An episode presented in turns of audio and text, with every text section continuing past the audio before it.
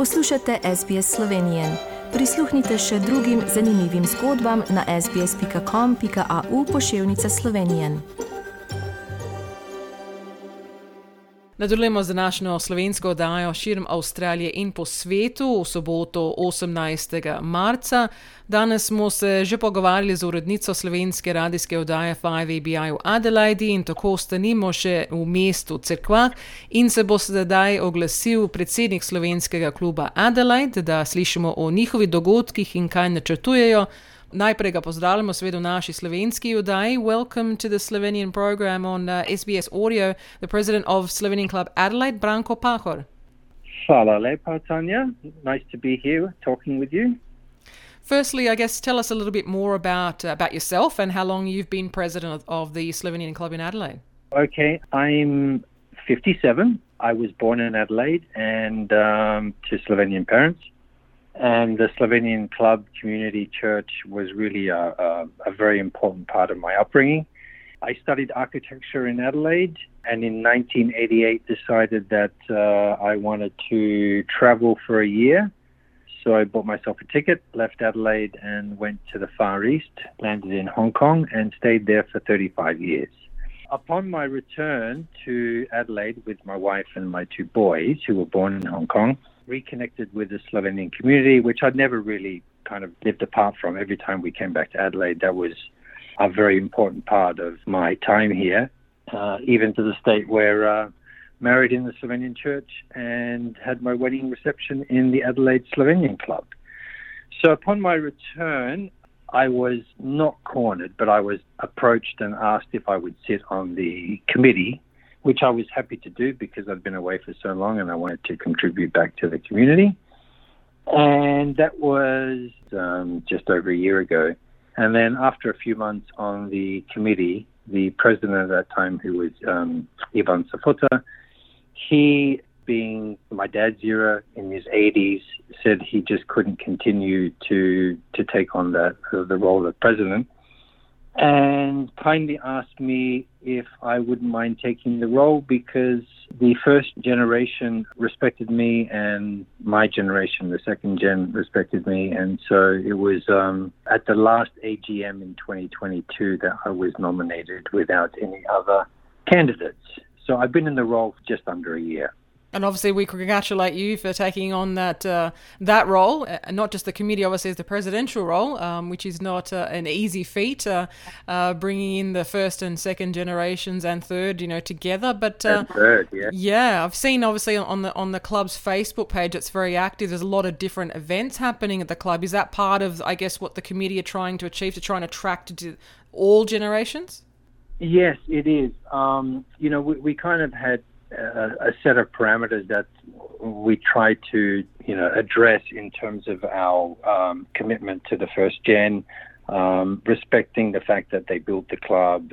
It's really where they you know come together and socialize and, and you know enjoy themselves. So so to me, respecting that was fundamental, first and foremost, to keep you know to keep the club alive the future is obviously second generation and, and the third and fourth generations, which are up and coming. So the only way to really attract them is to, you know, take the club to the next level. So uh, putting on events that, you know, are attractive to my generation as well as um, my children's generation and uh, evolving the club, taking it to the future, which, which of course is hinged to the the next generation. So we've set up uh, various functions, quiz nights, uh, sporting events, um, multicultural events. We just recently celebrated Pust at the club.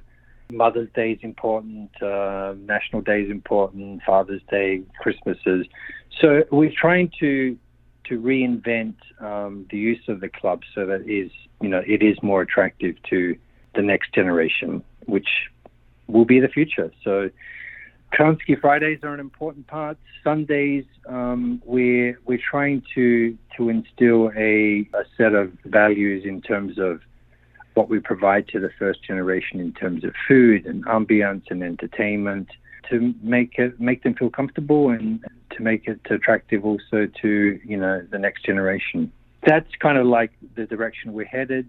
Um, in order to keep the club financially viable, we also have to look at you know outside hires and how we address that.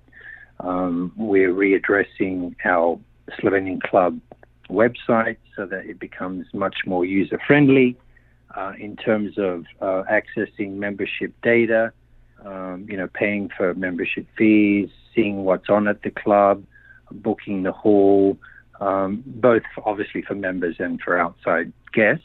So that's important because, you know, without the cash flow, we can't really survive. So we've been very fortunate to have some, some good rentals.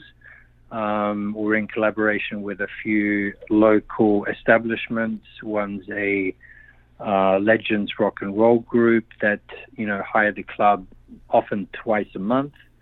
And we also have a long standing, I think for over 15 or 20 years, um, a country and western troupe who use the club once a month. And so I think those kind of things are important to, to just make the club uh, financially strong and, to sustain, you know, the future. So that's kind of a priority. Um, we're also undertaking a review of the property here in Adelaide um, with regards to how we can address future needs. Um, so that will form a master plan redevelopment strategy. So we've kind of uh, addressed setting up various subcommittees. One's for multicultural uh, events and bookings, one's for um, maintenance of the club and administration, one's accounting, and the other is really about you know the future and redeveloping the club and adding modifying, uh, enhancing the facilities just to make it more attractive um, for both Slovenians and for people who hire the facility outside of the community.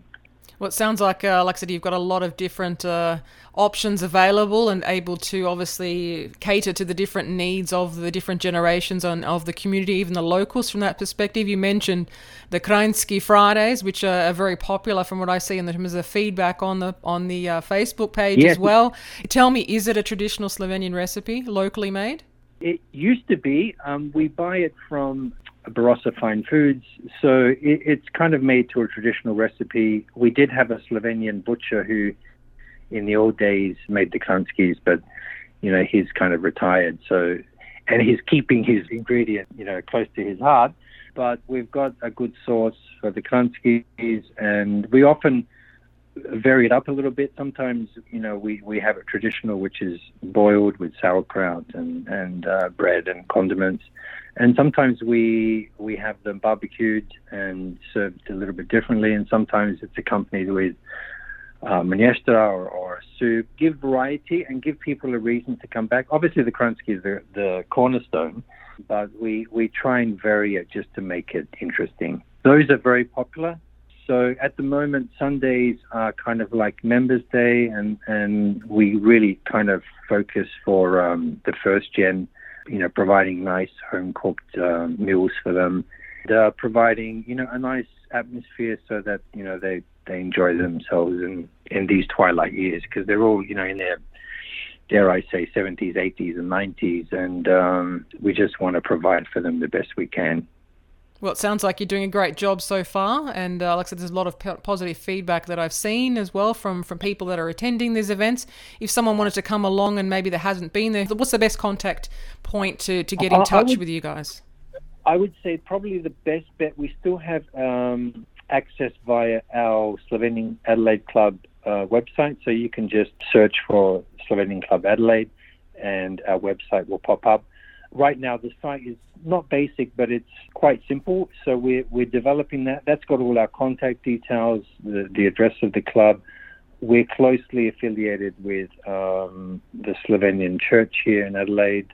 You know, integrating the church with the club is an important component because to me, you know, again, those two facilities were kind of built by my parents' generation, and, and we want to treasure those as much as we can.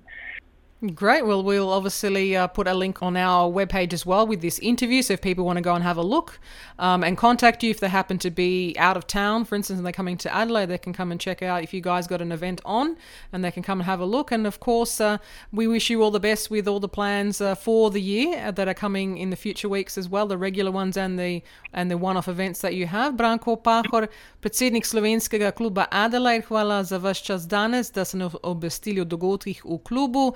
Upamo, da se bo čim več ljudi udeležilo eh, vašo naslednjo prededitev. Hvala lepa, Tanja. Lovely speaking with you. Všečkaj, deli, komentiraj. Spremljaj SBS Slovenijo na Facebooku.